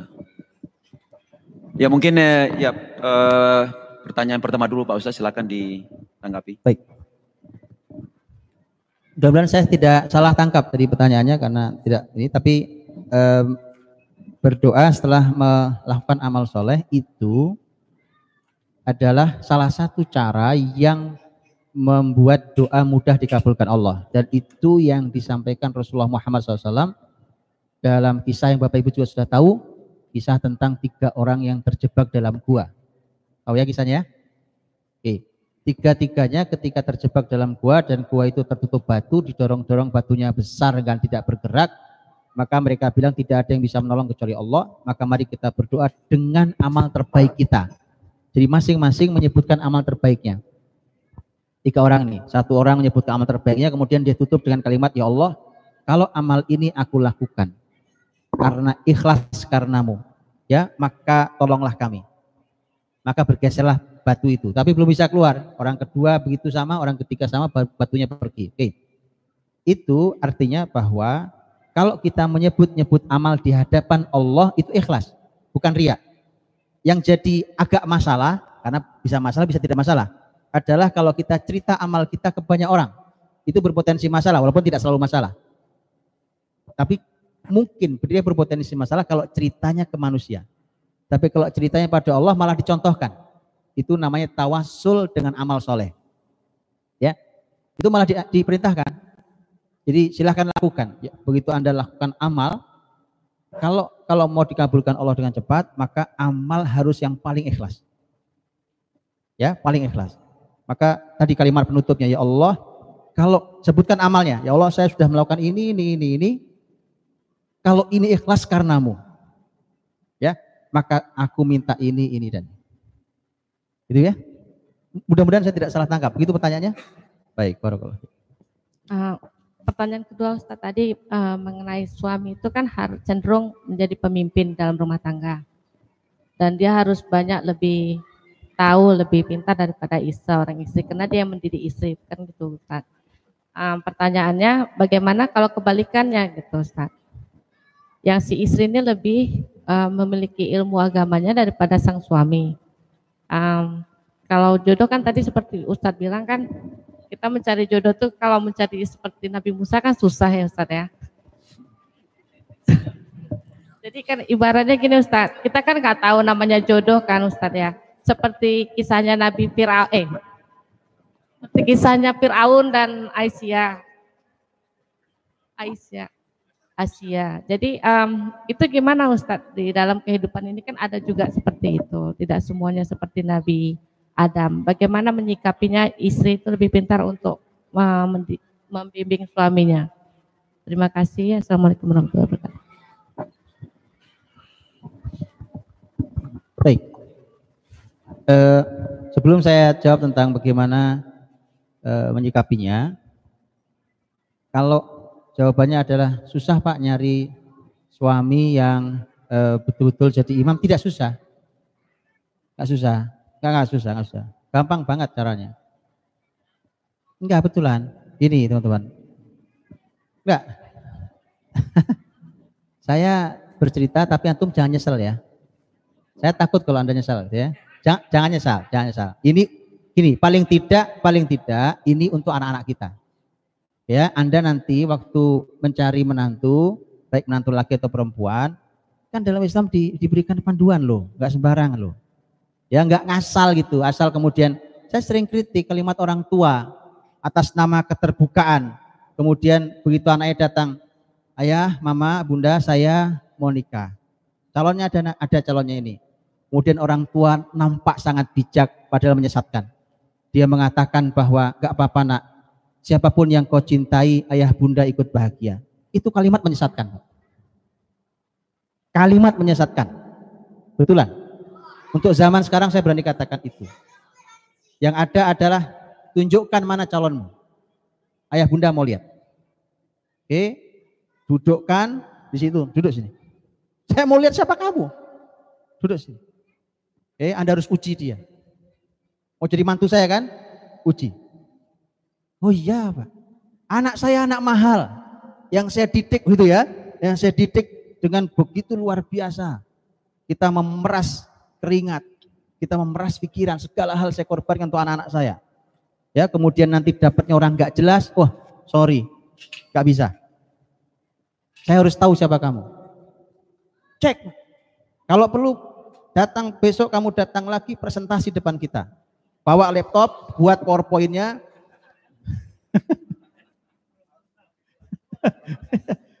presentasi. Kenapa? Karena kau mau bawa anakku kalau anakku perempuan. Paham? Kalau kalau uh, dia perempuan, maka kau akan sangat mempengaruhi rumah tangga anakku yang laki-laki. Begitu nanti kau punya anak, itu cucuku. Yang akan melanjutkan kebesaran kebaikan ini. Gitu loh, Pak. Enggak sembarang. Ya. Oke, tapi itu juga tidak sulit sebenarnya, Bu. Nabi sudah ngajarin caranya nyari mantu, enak gampang kok. Gimana caranya? Lihat. Rasul sallallahu alaihi Sahabat terdekatnya ada berapa? Empat. Allah Rasyidin, Abu Bakar, Umar, Utsman, Ali, radhiyallahu anhum ajma'in. Oke? Empat ini dua mertua, dua menantu. Betul? Abu Bakar mertua, Aisyah dinikahkan ke Rasul, Umar mertua, Hafsah dinikahkan ke Rasul. Utsman menantu. Rasul memberikan putrinya Ruqayyah ke Utsman. Ruqayyah meninggal diberikan adiknya Ummu Kulthum. Ali kita semua tahu nikah diberikan putrinya yaitu Fatimah radhiyallahu anha. Sudah tahu idenya? Atau belum tahu juga? Sudah caranya? Nah, kok masih bingung juga? Tahu ya? Sudah tahu ya? I iya. Sekarang lihat, coba lihat sekarang. Lihat, Abu Bakar, Umar, Utsman, Ali radhiyallahu Ini kan ini kan sahabat. Tahu sahabat? Kita bersahabat bukan? Ini sahabat, sekaligus murid. Kalau murid Masya Allah lebih enak lagi. Kalau Anda jadi guru, itu milih mantu enak banget. Tinggal tunjuk, kamu mantu saya, ini nggak pantas. Ya, kita enak banget, kalau saya gurunya saya tahu. Saya didik kamu dari kecil, saya tahu kualitasnya mana. Ya kan gitu. Itu kalau enaknya jadi guru gitu bisa milih. Ya, jadilah guru. Ya. jadi guru itu enak. Rasul sahabat, ini empat ini sahabatnya Rasul, sekaligus Rasul gurunya mereka. Sudah, kenapa tidak diberikan orang-orang terbaik? Hah? Itu caranya gitu. Ya, paham ya? Itu gampang-gampang caranya. Ini komunitas baik nih. Ya, komunitas baik ini eh Masya Allah saling benar. Bu? Belum selesai jawabnya saya tadi. Eh silakan. Enggak apa-apa, enggak apa-apa, silakan. Silakan, silakan, silakan, silakan. Silakan. Kami ini kan juga tidak tidak tidak mencari lagi. Kalau mencari mantu iya. Iya, cari mantu. Iya, tapi kan yang saya bicara, yang kita bicara, eh, yang ditanyakan adalah pemimpin rumah tangga. Belum, belum, belum jawab. Saya belum jawab. Okay. Eh, belum. Saya karena saya karena tadi ada kalimat bahwa susah pak nyarinya, gitu ya. Susah pak nyarinya gitu. Hah? Bahwa rumah tangga ini kan kadang-kadang istrinya lebih banyak. Ya itu belum saya jawab. Memang ini mau saya jawab setelah ini. ya. ini. Sabar bu. Ya ya. Maka tadi saya bilang sebelum saya sampaikan bagaimana bagaimana. Itu eh, baru kulitnya itu. baik baik baik. Oke. Nah ya, jadi saya ingin ngasih resep karena tadi ada kalimat bahwa susah Pak nyari calon suami yang gitu. Saya makanya saya bicara anak-anak, ini anak untuk anak kita. Nah, itu yang belum belum terlanjur. Nah, yang sudah terlanjur, nah ini baru kita bicara. Gitu ya, yang sudah terlanjur. Gimana? Lanjut?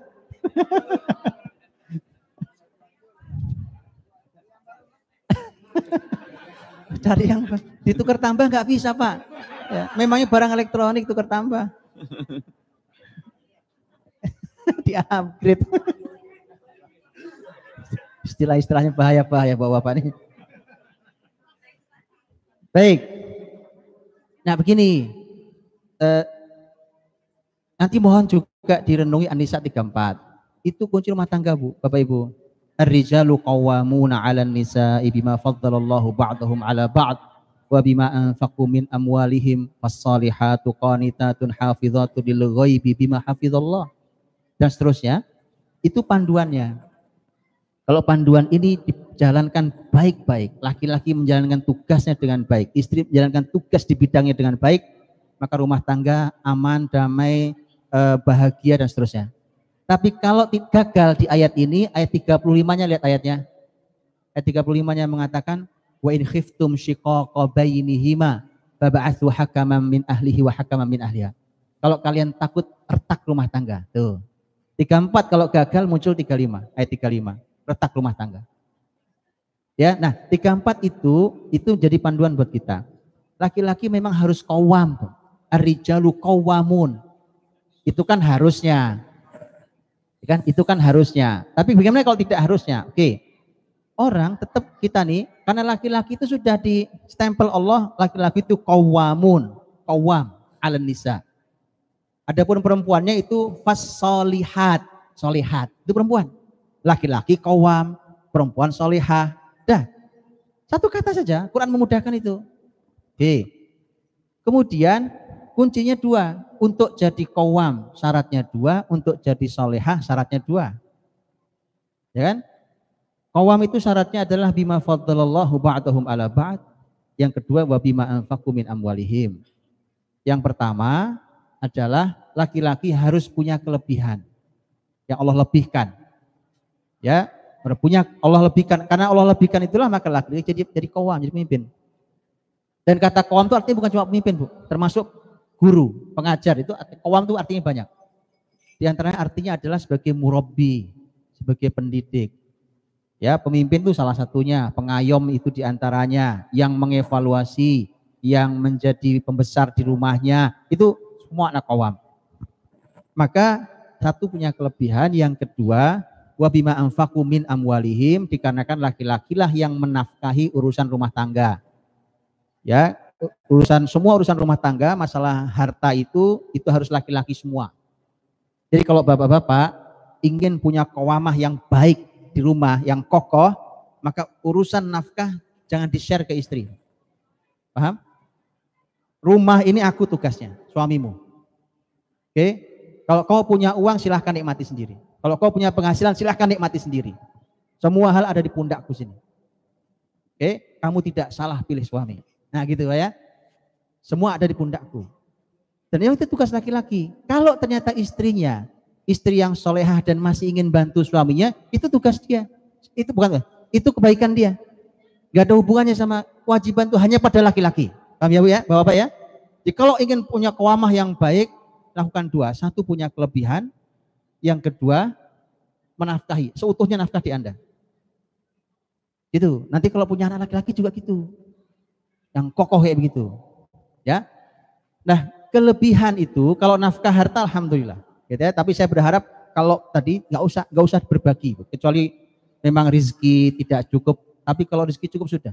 Segala hal aku. Nggak ada urusan rumah ini semua saya sebagai suamimu. Nggak ada. Semua, semua. Dari depan sampai belakang, dari atas sampai bawah, rumah ini saya semua. Begitu ya. Itu kewama Anda akan sangat baik nanti. Di rumah akan luar biasa. Kemudian, eh, ke, kelebihan. Oke, kelebihan inilah yang tadi di antaranya. Umpamanya bagaimana kalau ternyata istrinya lebih pintar ilmu agamanya. Ya, itu kekurangan suami. Bahaya, jelas. Dan kekurangan itu akan mencederai kewama. Mencederai kepemimpinan namanya juga cacat, kekurangan. Oke, gimana caranya? Namanya suami kok kemudian tidak tidak menjalankan tugasnya sebagai guru umpamanya. Namanya orang salah itu yang harus dilakukan apa? Orang kalau salah apa yang harus dilakukan? Minta maaf. Itu satu. Minta maaf sayang. Oke. Nampaknya aku bukan suami yang sempurna dari karena ternyata aku tidak lebih berilmu daripada kamu untuk urusan ini. Padahal harusnya aku yang bimbing kamu. Ya, mulia, mulia, gak akan jatuh, Pak. Orang tidak akan jatuh karena minta maaf. Orang mulia justru karena dia minta maaf. Makin dikagumi. Oh ya, ternyata suamiku orang yang fair sekali, lapang hatinya. Dia mau mengakui salahnya. Satu. Yang kedua, setelah itu sang suami tidak boleh berhenti di situ. Nah itu tugas Anda, mau sampai kapan pun tugas Anda itu. Anda harus berusaha belajar. Semampunya, namanya udah umur segini ya kan. Emang anak-anak muda yang masih bujangan, masih seger-seger. Ya udah segini, udah sibukan macam-macam. Tapi Anda harus bergerak. Anda harus belajar. Mampu dapat berapapun, apa? Belajar, belajar, belajar, belajar gitu. Belajar, siapkan waktu, komitmen waktu untuk belajar di tengah semua kesibukan laki-laki. Gitu ya? Lelah, nggak apa-apa, ada pahalanya. Kalau lelah itu lillah, ya kan? Terus ada pahala besar. Maka eh, itu harus dilakukan tuh. Nah, istrinya ya istrinya ya harus lapang hatinya ya, lapang hatinya. Toh dulu kita bertemu Allah pertemukan kita ya kan? Ya Bismillah lapang hatinya. Ayo, tidak ada yang sempurna. Saya juga tidak sempurna, ya kan? Makanya yus bismillah kita saling memaafkan tapi tugasnya tolong dijalankan. Bahwa tidak sempurna di awal pasti karena tidak mungkin sempurna di awal. Itu cukup? Allah alam bisawab. Uh, ya, uh, sesi pertama mungkin ibu-ibu uh, nanti balik lagi mungkin kalau masih ada waktu. Kita ya ke buka kesempatan untuk ke sesi kedua uh, dari bapak-bapak mungkin uh, silakan. Bismillah. Jazakumullah khairan Ustaz. Uh, tema parenting ini memang satu yang sangat besar ya Ustaz. Dan tema parenting ini kan mencakup juga antara hubungan anak dengan orang tua Ustaz. Nah, ada suatu masalah Ustaz di mana orang tua itu tidak mensetujui keinginan anaknya Ustaz. Jadi anak ini dia punya penyakit epilepsi misalkan. Sedangkan anak ini ingin mendalami ilmu agamanya kiaman misalkan. Nah, Sementara orang tua itu nggak senang anaknya itu pergi dari rumah karena penyakit tersebut pernah ada gitu. Khawatir terhadap anaknya. Apakah anak ini boleh pergi atau tetap tinggal di rumah gimana Jazakumullah khair. Ya, eh, Bapak Ibu, masalah muncul di di rumah tangga entah antara suami istri atau orang tua dan anak ya. Itu banyak saya jumpai kadang masalahnya itu hanya hanya masalah komunikasi. Cuma cara berkomunikasi antar kedua belah pihak. Bukan masalah yang runcing, karena kadang-kadang pertanyaannya itu menjadi meruncing. Padahal ini cuma duduk komunikasi. Saya sering mengatasi masalah begini. Uh, ada kasihan bu. Dan itu kasusnya saya sudah mengatasi sudah macam-macam. Ada yang anaknya pengen segera nikah, umpamanya gitu ya. Orang tuanya bilang enggak, kamu harus selesai kuliah dulu, baru boleh nikah. Dan itu anak kok sudah jatuh cinta sama e, lawan jenisnya, gitu kan? Kemudian dia sudah dia juga takut berbuat dosa, maka dia pengen segera nikah. Orang tuanya bilang tidak, dengan sudah akhirnya kan ruwet nih. Sang anak pengen apa, sang bapak ibu pengen apa. Itu kasus begitu saya sering banget ngatasinya. Saya bilang, oke okay, saya tak masuk dulu. Itu masuk, diminta tolong, saya masuk. Cuma masalah komunikasi ternyata. Masalah komunikasi dok. Betulan Pak? Itu saya komunikasikan ke anaknya begini, komunikasikan ke bapak ibunya begini. Oke. Itu cuma perlu bergerak sedikit. Bapak ibunya mau ngalah sedikit, anaknya juga mau ngalah sedikit. Ketemu di tengah. Dan selesai. Alhamdulillah selesai. Tidak, selesai alhamdulillah. Jadi kadang hanya masalah komunikasi. Ini contohnya. Contohnya tadi, anaknya sakit, tapi tekadnya tinggi. Gitu ya. Orang tuanya, karena kamu, kamu pernah sakit nak. Nanti kalau ada apa-apa di negeri orang jauh, itu juga benar. Tekad anaknya juga benar. Om tekad mau menuntut ilmu kok. Dan mulia pula ilmunya. Oke. Itu tinggal komunikasi di tengah. Saya yakin banget itu masalah komunikasi tok umpamanya bicara apa? Oke, yuk kita cek betul.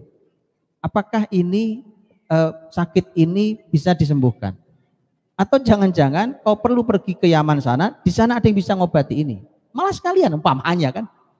Contohnya eh, atau kemudian kita tunda dulu. Kita tunda, kita perlu waktu untuk melihat apakah kamu layak pergi jauh atau tidak pergi jauh. Jadi hanya komunikasi. Saya yakin betul hanya komunikasi. Oke, kalau ternyata kok setelah orang tua pelajari dan segala macam kok rasanya tidak mungkin malah bahaya, kan orang tua tinggal bilang berdasarkan informasi dari ahli ini, dari ini, dari ini, maka tidak mungkin nak jauh. Kamu tahu kan? Oke, yuk tekadmu kita ganti, tetap menuntut ilmu, tapi nggak mesti kiaman, umpamanya.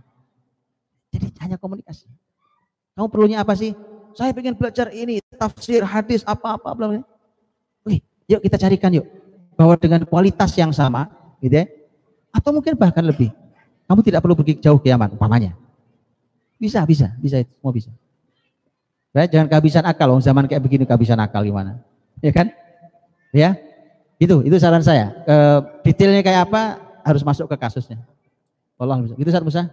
Baik, baik. Eh, pertanyaan kedua mungkin dari Bapak-bapak kalau ada, silakan. Uh, dia di pojok sana mungkin.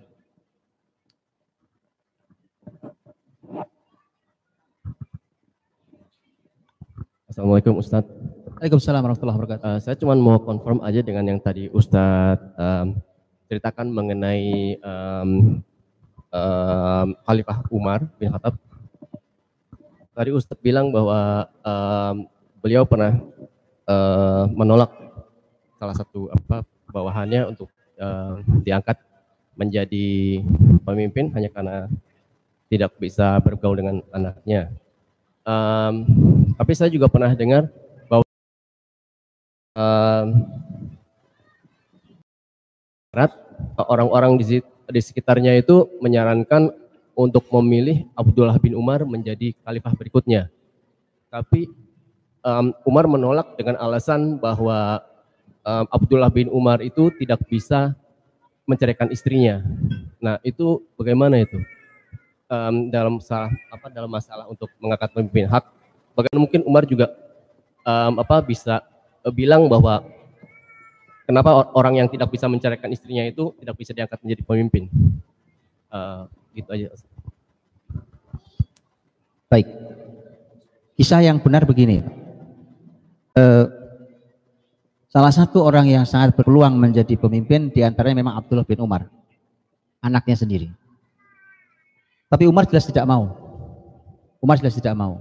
Dari sejak awal Umar tidak mau. Jangankan anaknya. Jangankan anaknya. Sepupunya, iparnya, Umar tidak izinkan. Pokoknya asal ada hubungan e, persaudaraan dengan Umar, Umar tidak pernah izinkan jadi pemimpin. Mengapa? Bukan masalah perceraian. Umar mengatakan sejak awal waktu beliau pertama kali ketika beliau dibaiat menjadi khalifah, dilantik jadi pemimpin itu, beliau berdoa pada Allah. Berkata, ya Allah, cukuplah Umar dari keluarga Umar ini yang mendapatkan musibah kepemimpinan. Aku tidak pernah izinkan anak turunku untuk mendapatkan itu. Maka tidak ada satupun anaknya Umar yang mendapatkan kepemimpinan. Abdullah bin Umar itu Pak, nanti dipaksa, bukan jadi pemimpin tertinggi. Cuma dipaksa menjadi seorang kodi, hakim. Nanti di zaman zaman Utsman, lari dia. Lari dia tinggalkan Madinah, dia pergi ke Mekah. Hanya untuk menghindari jabatan. Abdullah bin Umar. Jadi Umar sudah berdoa, jangankan itu, sepupunya saja, itu Said bin Zaid. Ini satu dari sepuluh sahabat yang dijamin masuk surga, Said bin Zaid. Said bin Zaid itu sepupunya Umar, sekaligus sekaligus uh, adik ipar. Karena adiknya Umar yang bernama Fatimah nikah sama Said. Nah Said bin Zaid itu adalah orang yang sangat layak menjadi khalifah setelah Umar. Karena 10 orang yang dijamin masuk surga itu, waktu Umar meninggal, itu sisa 7. 7. Abu Bakar sudah meninggal. Kemudian nanti ada sahabat mulia, eh, Abu Ubaidah bin Al-Jarrah eh, juga sudah meninggal. Kemudian Umar sendiri meninggal. Tinggal 7. Umar mengatakan, kita masih orang terbaik dan saya pemimpinan ketujuh orang itu. Silahkan yang milih ya hanya tujuh orang itu. Yang dipilih ya hanya satu dari tujuh. Itu enaknya milih pemimpin. Ya tidak melibatkan masyarakat berantem berkepanjangan dana triliun. Pemimpinnya nanti nggak tahu gimana. Model gitu ya lihat indahnya Islam. Cuma tujuh orang itu pun Umar kasih batas tidak boleh lewat tiga hari kecuali sudah harus keluar nama pemimpinnya oh indah Islam itu itu cara cara milih pemimpin itu di antaranya Said bin Zaid. Tapi Umar mengatakan bukan tujuh, enam. Enam. Said bin Zaid dihapus sama Umar. Bukan karena tidak layak. Karena dia sepupu saya. Karena dia adik ipar saya. Coret. Apalagi anaknya. Sekelas Abdullah. Abdullah orang sangat layak Abdullah itu. Ya, jadi tidak diizin, tidak maunya Umar anaknya diangkat, walaupun orang-orang tahu kualitas anaknya, itu karena Umar sudah meminta itu pada Allah bahwa tidak boleh ada yang jadi pemimpin dari keluarga Umar kecuali saya. Hanya saya tok. Ini musibah. Ini musibah. Gitu Pak? Itu kisahnya. Allah alam uh, saya kira waktu mungkin ini sudah menunjukkan jam 10.20. Uh, lanjut atau cukup atau masih ada mungkin? Ya, mungkin dari saya sendiri saya mau ingin bertanya ini. eh, tentang eh, eh, dosa dosa bawaan Pak Ustaz. Ya seperti Pak Ustaz katakan tadi bahwa eh, kalau keluarga baik tentunya turunannya ikut baik. Tapi kalau misalnya keluarganya tidak baik, turunannya tidak juga tidak baik. Misalnya misalnya kalau misalnya orang tuanya misalnya curi atau penjudi misalnya, itu akan turun ke anaknya seperti itu. Ya, bagaimana menurut pendapat eh, pendapat Ustaz? Apakah dalam Islam itu ada yang namanya dosa bawaan begitu, Pak? Kira itu saja, Ustaz. Baik, Allah SWT berfirman, "Wala taziru waziratu wizra ukhra." Bahwa eh, orang yang orang yang berdosa itu tidak akan mendapatkan limpahan dosa orang lain. Jadi saya tidak mungkin mendapatkan limpahan dosa dari siapa pun. Kalau umpamanya siapa teman saya, orang tua saya, kakak saya atau siapa pun berlaku dosa, nggak kena ke saya. Saya nggak, saya nggak melakukan. Dari Quran mengatakan wala taziru waziratu wizra ukhra. Uh, jadi dia mendapatkan apa yang di yang dilakukannya laha maka sabat wa alaiha maktasabat. Kalau baik ya dia yang dapat kebaikannya kalau dia berbuat jahat ya dia dapat dosanya. Walaupun nanti ada eh, ada yang namanya sunnah hasanah dan sunnah sayyi'ah. Nabi mengatakan man sanna sunnatan hasanatan falahu ajruha wa ajru man amila biha. Man sanna sunnatan sayyi'atan fa alaihi wizruha wizru man amila biha. Kata Nabi kalau ada orang yang mencontohkan jalan kebaikan, maka dia mendapatkan pahala dari orang yang menirunya. Begitu juga keburukan Kalau dia contohkan, dia ajarkan keburukan, dia dapat dosa orang yang menirunya. Itu karena kita melakukannya kan. Kita melakukannya, kita ngajari, kita ngasih contoh. Itu bahayanya kalau ngasih contoh yang jelek. Itu akan ada dosa terus menerus. Kita dapat dosa karena ulah kita. Ya, tapi kita tidak dapat limpahan dosa dari uh, sesuatu yang tidak kita kerjakan karena laha maka sahabat wa alaiha sahabat. Tapi teman-teman, kalau efeknya ada. Ya, beda ya, bukan dosanya. Efek dari dosa itu nanti ada. Ke, sebagaimana kebaikan pun ada efek baiknya pada anak turun kita. Allah berfirman dalam surah Al-Kahfi ayat 82. Nanti Ibu buka tentang kisah eh, Musa dan Khidir. Bagaimana Allah Subhanahu wa taala mengisahkan tentang si uh, dua anak yatim yang punya rumah mau ambruk yang dibangun Khidir itu ya. Apa kalimat Khidir? Wa amal gulamu fakana uh, li gulamaini yatimaini fil Madinah wa kana tahtahu kanzul lahuma wa kana abuhuma salihah. Gitu ya. Jadi uh, bahwa Allah Subhanahu wa taala ketika me, menyampaikan tentang dua anak yatim itu, itu dua anak yatim itu Allah jaga. Itu Allah Allah jaga dua anak yatim bahkan bayangkan loh. Bapak Ibu kalau bangun rumah sini yang bangun rumah tukang kan? Ini ada rumah yang tukangnya itu adalah dua orang nabi. Bayangkan barokahnya itu rumah, Pak. Tukangnya loh dua nabi, satu Nabi Musa, dua Nabi Khidir alaihi wassalam, satu lagi calon nabi yaitu Yusha bin Nun. Kan itu anak muda yang bersama Musa. Lihat barokahnya rumah. Nah itu teman-teman, sebarokah itu itu yang membangun anak muda, eh, rumah yang mau ambruk itu dan kemudian bahkan ternyata Allah melindungi harta karun yang ada dalam rumah itu yang di yang disimpan di bawah tanah oleh eh, orang tuanya. Kenapa sampai segitunya Allah menjaga? Kuncinya satu, wakana abu huma soleha. Itu karena bapaknya dua anak yatim ini bapak yang soleh. Dan meninggal bapaknya. Ya, jadi kalau anda soleh, bapak ibu, kalau anda soleh, silahkan mati kapan pun gak masalah. Gak usah khawatirkan anak-anak. Gak usah khawatirkan anak-anak. Ya, Allah yang menjaga dia. Jadi ada efeknya, ada efek kebaikannya kalau anda orang soleh. Dan itu Allah dan itu dilakukan oleh Umar bin Abdul Aziz, taala. Umar bin Abdul Aziz, taala itu kan pemimpin besar yang memakmurkan rakyatnya luar biasa memakmurkan luar biasa, seorang pemimpin yang luar biasa. Eh, beliau, tapi beliau eh, keluarganya miskin, miskin. Masya Allah, kekurangan bahkan. Itu harta warisannya, bayangkan loh, warisan pemimpin besar yang wilayahnya sangat luas, yang masyarakatnya super makmur, gitu ya, super makmur masyarakatnya, itu warisan anak pemimpinnya, Anda tahu? Anaknya Umar bin Abdul Aziz itu 17. 17. Saya sudah bilang tadi, orang soleh anaknya jangan sedikit. Ya, 17. Tapi waktu Umar bin Abdul Aziz mau meninggal, anak tinggal 11. Laki perempuan. 11 itu yang laki-laki, yang laki-laki itu dapat warisannya itu cuma setengah dinar.